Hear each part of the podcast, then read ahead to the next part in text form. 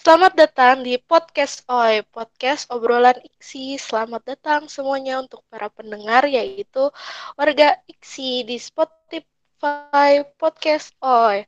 Uh, sebelumnya aku mau perkenalkan, ini ada program kerja dari PSDM, yaitu Podcast OI merupakan podcast ofisial yang digarap langsung oleh uh, Ikatan Keluarga Sastra Indonesia UI di kepengurusan katalisator uh, yang digarap oleh PSDM untuk menjadi wadah berbincang-bincang dan mengobrol-ngobrol santai seputar kehidupan perkuliahan, kampus, dan juga seputar prodi IKSI. Nah, seperti yang kita ketahui, tahun ini kita semua tidak dapat berinteraksi langsung karena sistem kuliah yang jarak jauh atau PJJ dan untuk itu PSDM sebagai divisi yang menjadi jembatan untuk berinteraksi setiap warga IKSI uh, membuat program kerja berupa podcast uh, sebagai wadah bagi uh, warga IKSI untuk berbincang-bincang dan mengobrol-ngobrol santai untuk mendekatkan warga IKSI satu sama lain. Nah, sebelum kita memulai podcast hari ini, perkenalkan terlebih dahulu, uh, saya Vanessa dari IKSI 2018 sebagai MC pada podcast OI kali ini. Nah, podcast pertama ini PSDM akan bekerja sama dengan Divisi Adkesma. Nah, topik perbincangan hari ini itu tentang burnout situasi pandemi ini kan terkadang membuat uh, mahasiswa-mahasiswa mengalami suatu kendala atau dilema tersendiri ya kayak tugas banyak terus kadang-kadang susah berkomunikasi terus ada hambatan-hambatan lain yang dirasakan mahasiswa dan kadang suka membuat stres atau overthinking sampai demotivasi atau bahkan burnout gak sih?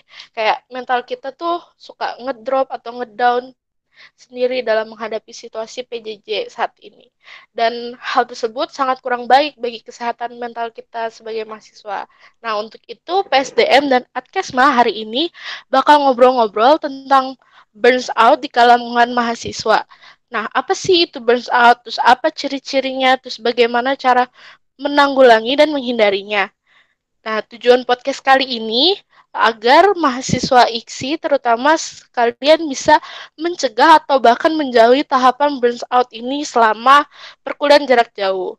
Terus supaya kita juga bisa menjaga uh, kesehatan mental kita dan uh, bisa survive di PJJ kali ini. Nah, seperti yang kita ketahui, divisi Adkesmat Katalisator tahun ini cukup lumayan fokus dalam menjaga kesehatan mental dari warga IKSI sekalian. Seperti ada beberapa prokernya kayak Karitas yang menjadi wadah berbincang-bincang, curhat atau sebagai teman curhat bagi warga IKSI.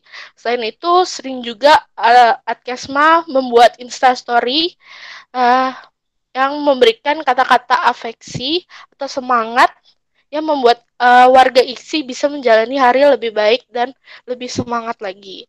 Nah, sehingga divisi Adkesma lumayan cukup expert dalam membahas isu-isu terkait kesehatan mental. Seperti topik bahasan kali ini yaitu tentang tahapan burns out. Nah, mungkin masih banyak yang belum tahu apa sih itu tahapan burns out. Maka dari itu, yuk simak simak podcast kali ini yang membicarakan tentang burns out.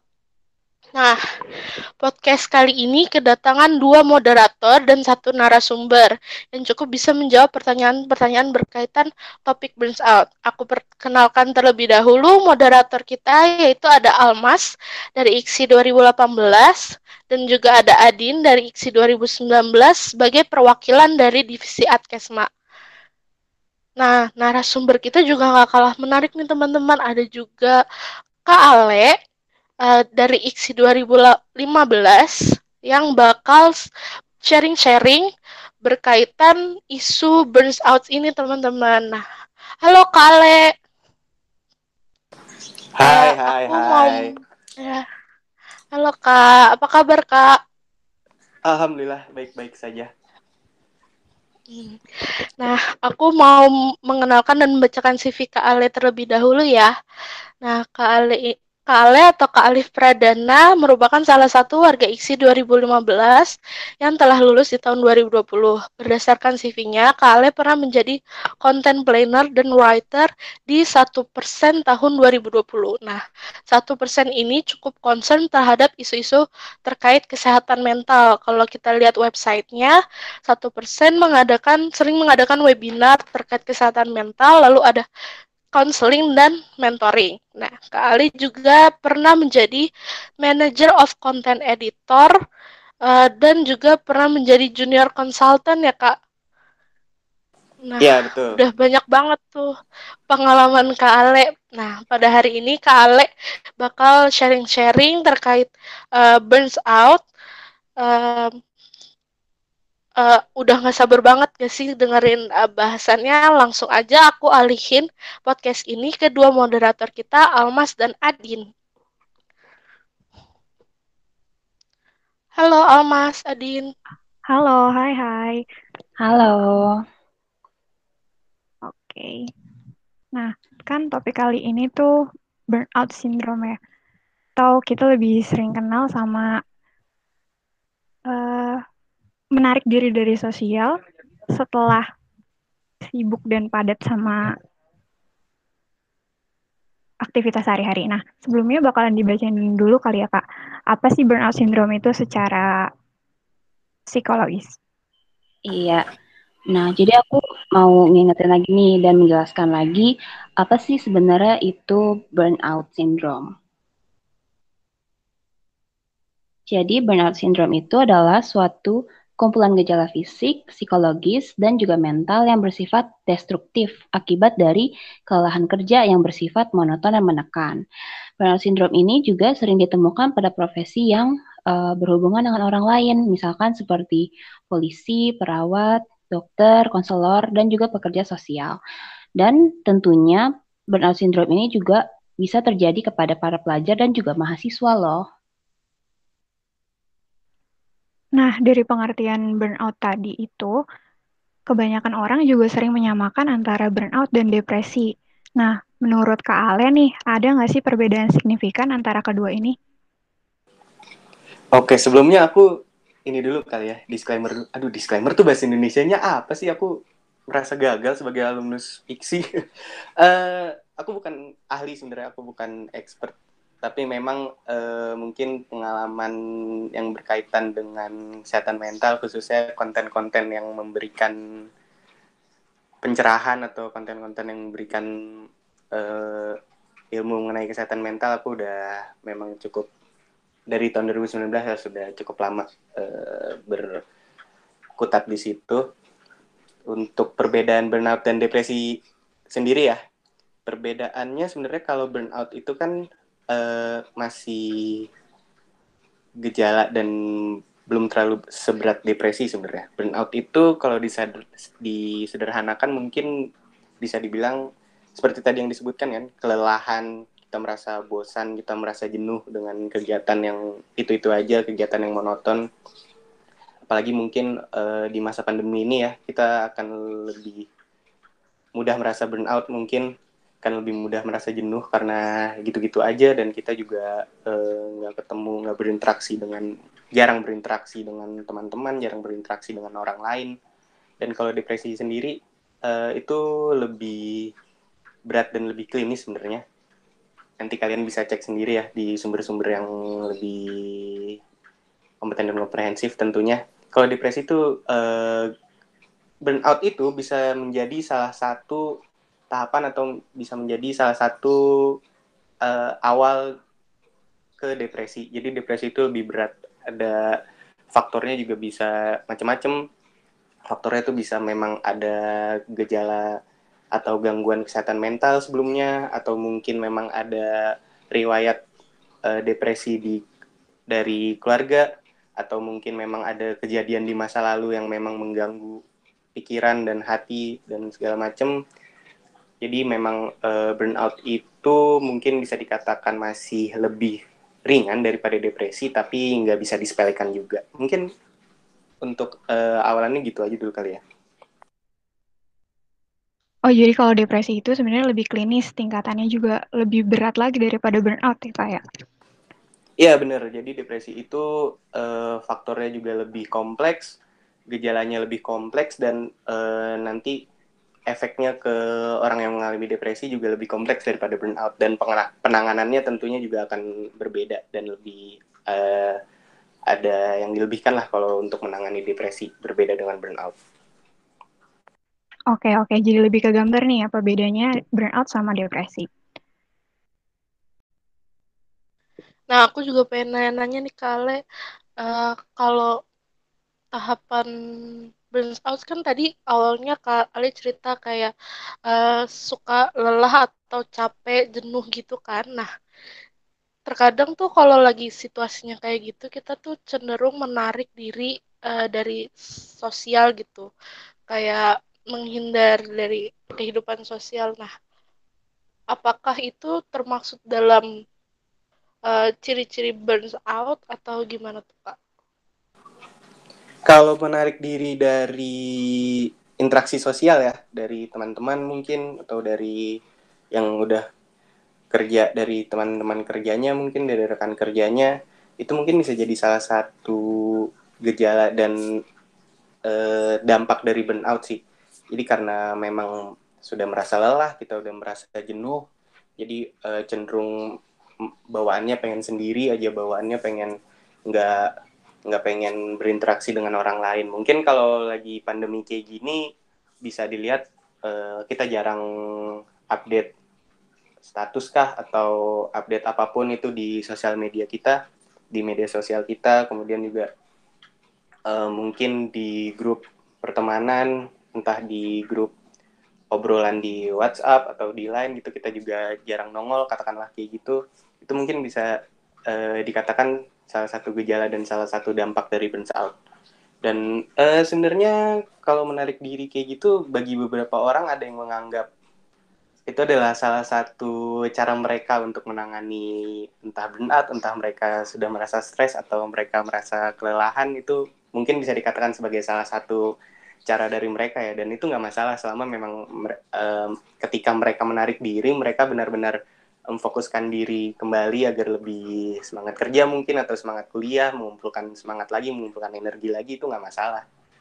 Cuman yang berbahaya adalah ketika menarik diri dari interaksi sosial benar-benar nggak berinteraksi dengan orang lain kemudian uh, ketika sendiri itu kita malah kalut dengan pikiran sendiri kita malah stres sendiri kita malah berpikir yang macam-macam berpikir banyak berpikir yang negatif kemudian kan dampaknya bisa kalau misalkan sendiri bisa ke hal-hal yang tidak diinginkan ya. Jadi memang sebenarnya ada perbedaan yang bisa menguntungkan dan bisa merugikan sih kalau menarik diri kayak gitu.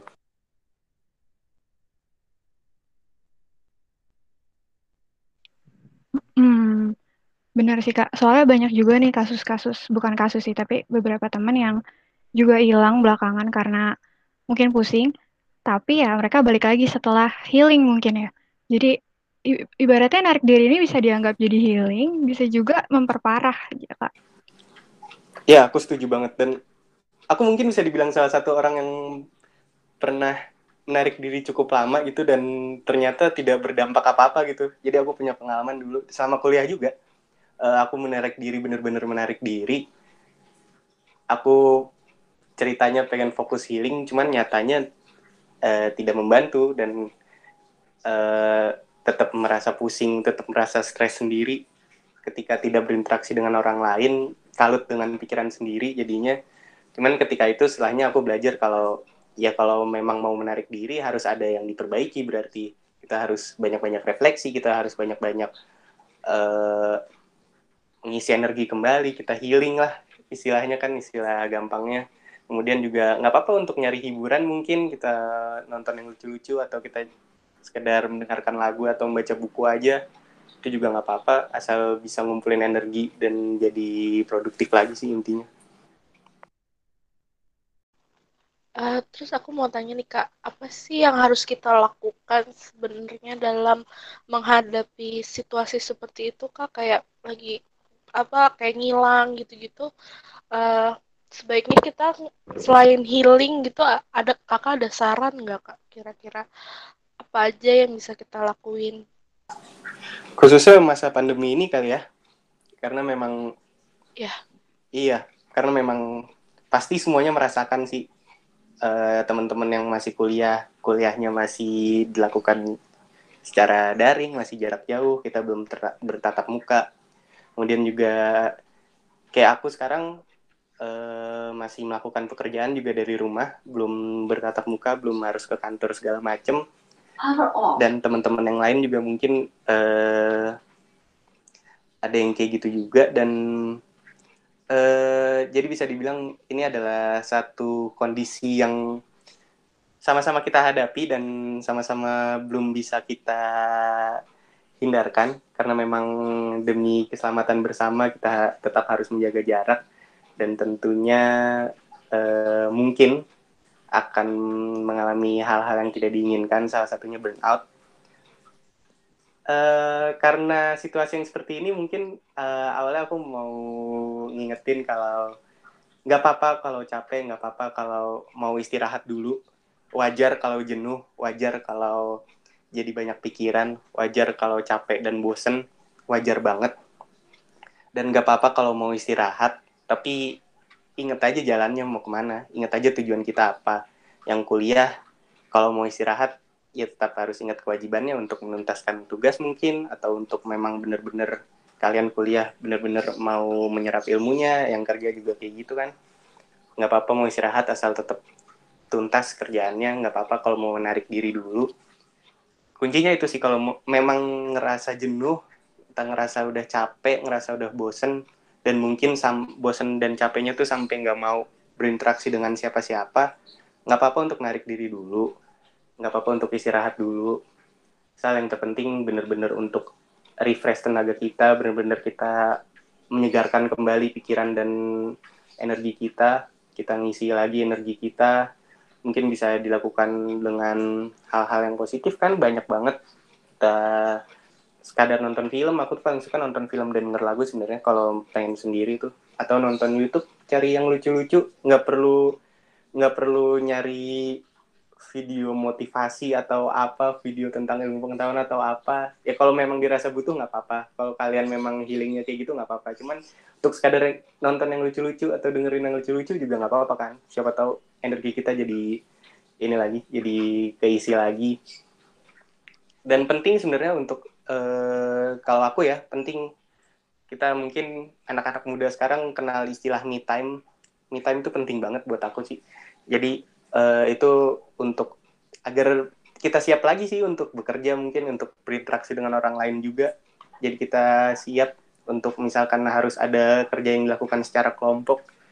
Jadi nggak apa-apa sebenarnya kalau mau narik diri asal bener-bener diarahkannya ke hal-hal yang positif dan kalaupun memang merasa udah capek banget, udah jenuh banget dan ngerasa di di kepala itu udah penuh banget,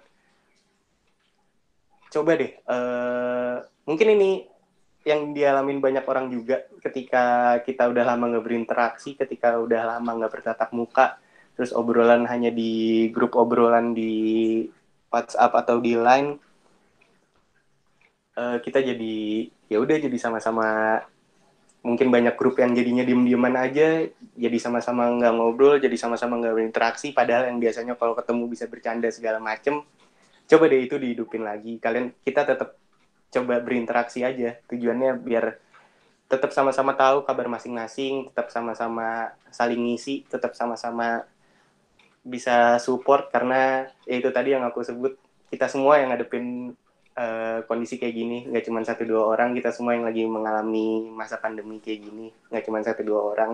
Jadi penting sih untuk sekedar ngobrol aja untuk sekedar bercanda aja itu jangan jangan dilupakan juga. Dan kita bisa saling support satu sama lain. Setelahnya kan mungkin bisa ngobrol yang lebih dalam kan. Misalkan jadi curhat-curhatan pasti akan lebih lega juga. Jadi penting juga sih sebenarnya setelah kita menarik diri udah refresh energi dan pikiran kita udah seger lagi, kita juga tetap perlu untuk uh, tetap berinteraksi dengan teman-teman sih pesan aku itu. Nah kalau dari tadi kan proses narik diri gitu ya kak. Itu tuh sebenarnya udah jadi titik tertinggi burnout nggak sih? Kayak kalau misalnya lo udah keluar dari sosial lo udah narik diri banget deh. Itu tuh udah bener-bener fase di mana lo udah di dalam masa burnout gitu nggak sih kak? Iya mungkin bisa dibilang kayak gitu.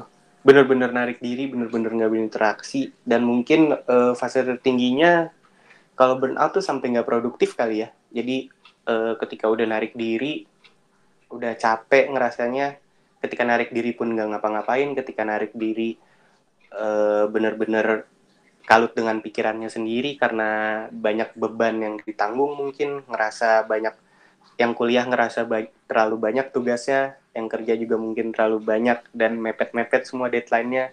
Terus jadinya nggak melakukan apa-apa untuk uh, menuntaskan beban-beban yang ada itu. Itu yang salah kan. Dan mungkin bisa dibilang fase tertinggi ya dan fase tertinggi setelahnya menurut aku ya, ini pengalaman pribadi sih. Nggak tahu dengan teman-teman yang lain atau nanti expert atau ahlinya gimana. Fase tertingginya menurut aku ketika udah burn out, menarik diri kemudian jadi nggak produktif itu yang bahaya. Kemudian kita benar-benar ninggalin kewajiban kita kita benar-benar yang kuliah benar-benar eh, nggak uh, nuntasin tugas-tugasnya yang kerja benar-benar nggak menyelesaikan pekerjaannya.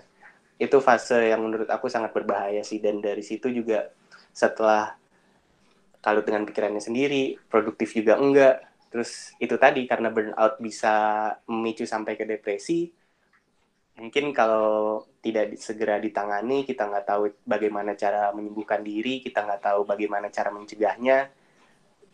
Yang paling berbahaya itu ya bisa sampai ke depresi itu. Berarti kalau sampai dengan healing pun dia belum uh, membaik lagi dan bisa jadi depresi itu berarti mungkin di saat itu udah lebih baiknya mereka mungkin menemui uh, profesional gitu ya kak? Ya benar-benar. Uh, kayak sekarang mungkin, oh ya sebelumnya aku salut sih sama isi katalisator ya. Kepengurusan ini tuh uh, concern atau fokus dengan isu kesehatan mental. Aku salut dan bangga dan bahagia sekali. Dan uh, ini kata kunci yang tadi udah tepat banget sih untuk menemui profesional atau menemui ahlinya. Memang kan kalau kita lihat udah banyak nih platform-platform atau wadah-wadah yang memberikan awareness uh, atau menumbuhkan uh, atau memberikan masukan memberikan ilmu-ilmu tentang kesehatan mental itu juga uh, penting sih untuk teman-teman ketahui penting untuk teman-teman baca dan teman-teman resapi mungkin ilmu-ilmunya. Tapi itu uh, ketika kalian membaca dan menerima informasi itu kalian itu cukup untuk mengenali gejala-gejalanya mungkin dari burnout atau dari depresi. Kemudian juga kalian jadi tahu cara mencegahnya bagaimana. Kalian jadi tahu cara menanganinya gimana. Tapi yang berbahaya kan memang ketika kita mendapatkan informasi sendiri ketika kita mencari informasi sendiri itu kan kita jadi suka kalau bahasa kerennya self proclaim gitu ya. Kita jadi ngerasa iya gue tuh punya gangguan kesehatan mental ini gue tuh lagi depresi gue tuh lagi ini. Itu yang berbahaya sebenarnya. Kita nggak bisa uh, menyematkan status itu ke diri dengan sembarangan. Itu tetap harus ke ahlinya. Jadi eh, informasi-informasi kayak gitu tuh penting diserap untuk mengetahui gejala-gejala yang seperti apa, kemudian cara menanganinya seperti apa. Tapi kalau sudah dirasa berat banget, udah dirasa butuh bantuan, pertama mungkin kita bisa kayak yang aku tadi bilang ngobrol dulu deh sama temen-temen. Gimana ya kira-kira kalau teman-teman yang ngerasain itu penanganannya gimana? Teman-teman kita sendiri teman-teman tuh gimana ya ngadepin ini apalagi lagi PJJ kayak gini kan apalagi masih pandemi kayak gini tentunya banyak yang ngalamin kita semua ngalamin kayak gini kita sekedar share itu juga menjadi salah satu langkah yang langkah awal yang tepat buat aku jadi sebelum kita ke ahlinya. Nah, kalau di ini bukan promosi bukan promosi tapi terkesan promosi sedikit ya. Jadi kalau di satu persen kalian tuh ada uh, kayak tes gratis ya gitu dulu untuk mengetahui kalian tuh sebenarnya butuh bantuan seperti apa sih atau kalian lagi mengalami apa sih itu ada kalau kalian cek di websitenya Jadi uh, ke ahli pun kan ada dua ya, ada psikolog, ada psikolog uh, khusus dan psikolog klinis, kemudian juga ada psikiater. Itu kan juga uh, kalian harus tahu bedanya. Di beberapa platform atau di beberapa wadah mungkin kalian diarahkan untuk ke dokter umum dulu sebenarnya. Jadi dari dokter umum sebenarnya uh, si dokter lah yang akan mengarahkan kalian tuh nanti uh, bisa berobatnya ke psikolog kah atau ke psikiater kah kayak gitu. Uh, tapi intinya memang ketika sudah merasa berat banget dan sudah merasa bingung mau nyari bantuan ke mana, benar-benar memang harus ke ahli sih. Dan untuk penanganan dan untuk uh, mengetahui sebenarnya kita tuh lagi kenapa dan sekali lagi jangan suka self proclaim jangan suka menyematkan status ke diri sendiri itu berbahaya banget sih dan uh, bisa berpengaruh ke banyak hal sebenarnya. Ah, tadi aku sempat uh, nge-highlight yang unik gitu ya kak, self diagnosis sendiri gitu ya kak. Itu sebenarnya banyak banget sih orang-orang yang sering kayak gitu. Jadi sebenarnya karena kita gampang banget akses internet, akhirnya setiap baca terus kayak, ah gue kayaknya ini deh, gue kayaknya depresi deh. Jadi akhirnya bukannya dapat pengetahuan yang benar, harusnya mereka datang ke ahli, terus malah jadi disesatkan sendiri gitu loh kak. uh, kasarnya tuh gini kalau misalnya kita sakit perut, terus baca di Google tuh biasa kita kayak ah gue mau gue hampir mati nih gitu gitu kan kasarnya nah sama kayak kesehatan mental juga kalau misalkan kita salah baca atau cepat mengklaim hal-hal kayak gitu bisa aja jadi salah pemahaman ya kak Iya kan, ternyata memang banyak yang kayak gitu kan. Itu berbahaya banget sih. Apalagi sekarang ini aku bukan gue bukan nyalahin ya sebenarnya, tapi ya ini berbah agak berbahaya sih sebenarnya. Uh, satu sisi bagus kan ketika banyak influencer quote and quote dalam tanda kutip influencer uh, meningkatkan kesadaran tentang kesehatan mental. Tapi yang berbahaya kan ketika malah jadi yang banyak self diagnosis itu kan, itu memang berbahaya. Ya seperti yang itu udah diutarakan tadi. Kayak Adin bilang tadi itu kayak diibaratkan kita lagi sakit perut terus tiba-tiba uh, kita impulsif ngecek di Google kira-kira gue kenapa ya? Terus pas dicek wah gue kayaknya mau meninggal. Kan bahaya banget itu dan penanganan bisa aja salah. Padahal pas lagi sakit perut kita bisa ada banyak hal yang bisa uh, memengaruhi sakit perut itu dan ada banyak hal berbeda bagaimana cara penanganannya. Sama aja dengan kesehatan mental sama aja dengan uh, apa yang sedang kita alami gitu mungkin gejalanya mirip-mirip. Kayak burnout sama depresi kan mungkin ada beberapa gejala yang mirip-mirip. Kayak kita lelah kita jenuh. Itu kan sama aja. Tapi kan uh, penanganannya dan tingkatannya itu yang berbeda. Dan bagaimana cara menyembuhkannya nanti itu juga berbeda. Makanya kalau memang benar-benar merasa butuh pertolongan, ya langsung ke ahli, jangan terus self diagnose, terus uh, merasa bisa menyembuhkan diri sendiri, nanti malah beda cara penyembuhannya dan malah efeknya ke yang lain-lain yang tidak diinginkan itu bahaya banget. Hmm, benar sih kak. Uh, terus aku juga ini mau nanya pribadi gitu sih kak. Aku tuh kalau misalkan udah ada di fase-fase kayak gitu, narik diri pun udah males gitu kak ngechat orang. Jadi kayak kalau disuruh lu chat temen lu deh kabarin eh, temen lu cerita ke temen lu itu kayaknya agak susah deh kak. Nah pun kalau healing sendiri juga jadi stres sendiri. Tenang aja aku juga gitu kok. iya kan ya kak? Jadi kayak bingung sendiri gitu kalau mau keluar dari sini gue udah terlanjur lari. Tapi kalau gue lari sendiri gue juga gila sendiri gitu. Iya bener banget. Uh, jadi memang sebenarnya uh, ada beberapa orang yang suka mungkin berinteraksi dengan banyak orang. Ada beberapa orang yang memang uh, cara menanganinya oh gue harus ngobrol nih gue harus nongkrong lah katakanlah gitu. Gue harus banyak bercanda sama teman-teman gue tapi ada juga yang bener-bener pengennya sendiri bener-bener ngerasa bisa menyembuhkan lelah dan capeknya tuh sendiri. Dan itu nggak masalah sih sebenarnya lagi-lagi nggak masalah. Tapi uh, biar gimana dengan kita berinteraksi dengan orang lain dengan kita berinteraksi dengan teman-teman gitu itu akan membantu sih. Dengan kita sekedar ngobrol dengan sekedar bercanda dengan uh, minimal tahulah kabar teman kita. Itu juga udah nggak udah akan sangat membantu kita sih.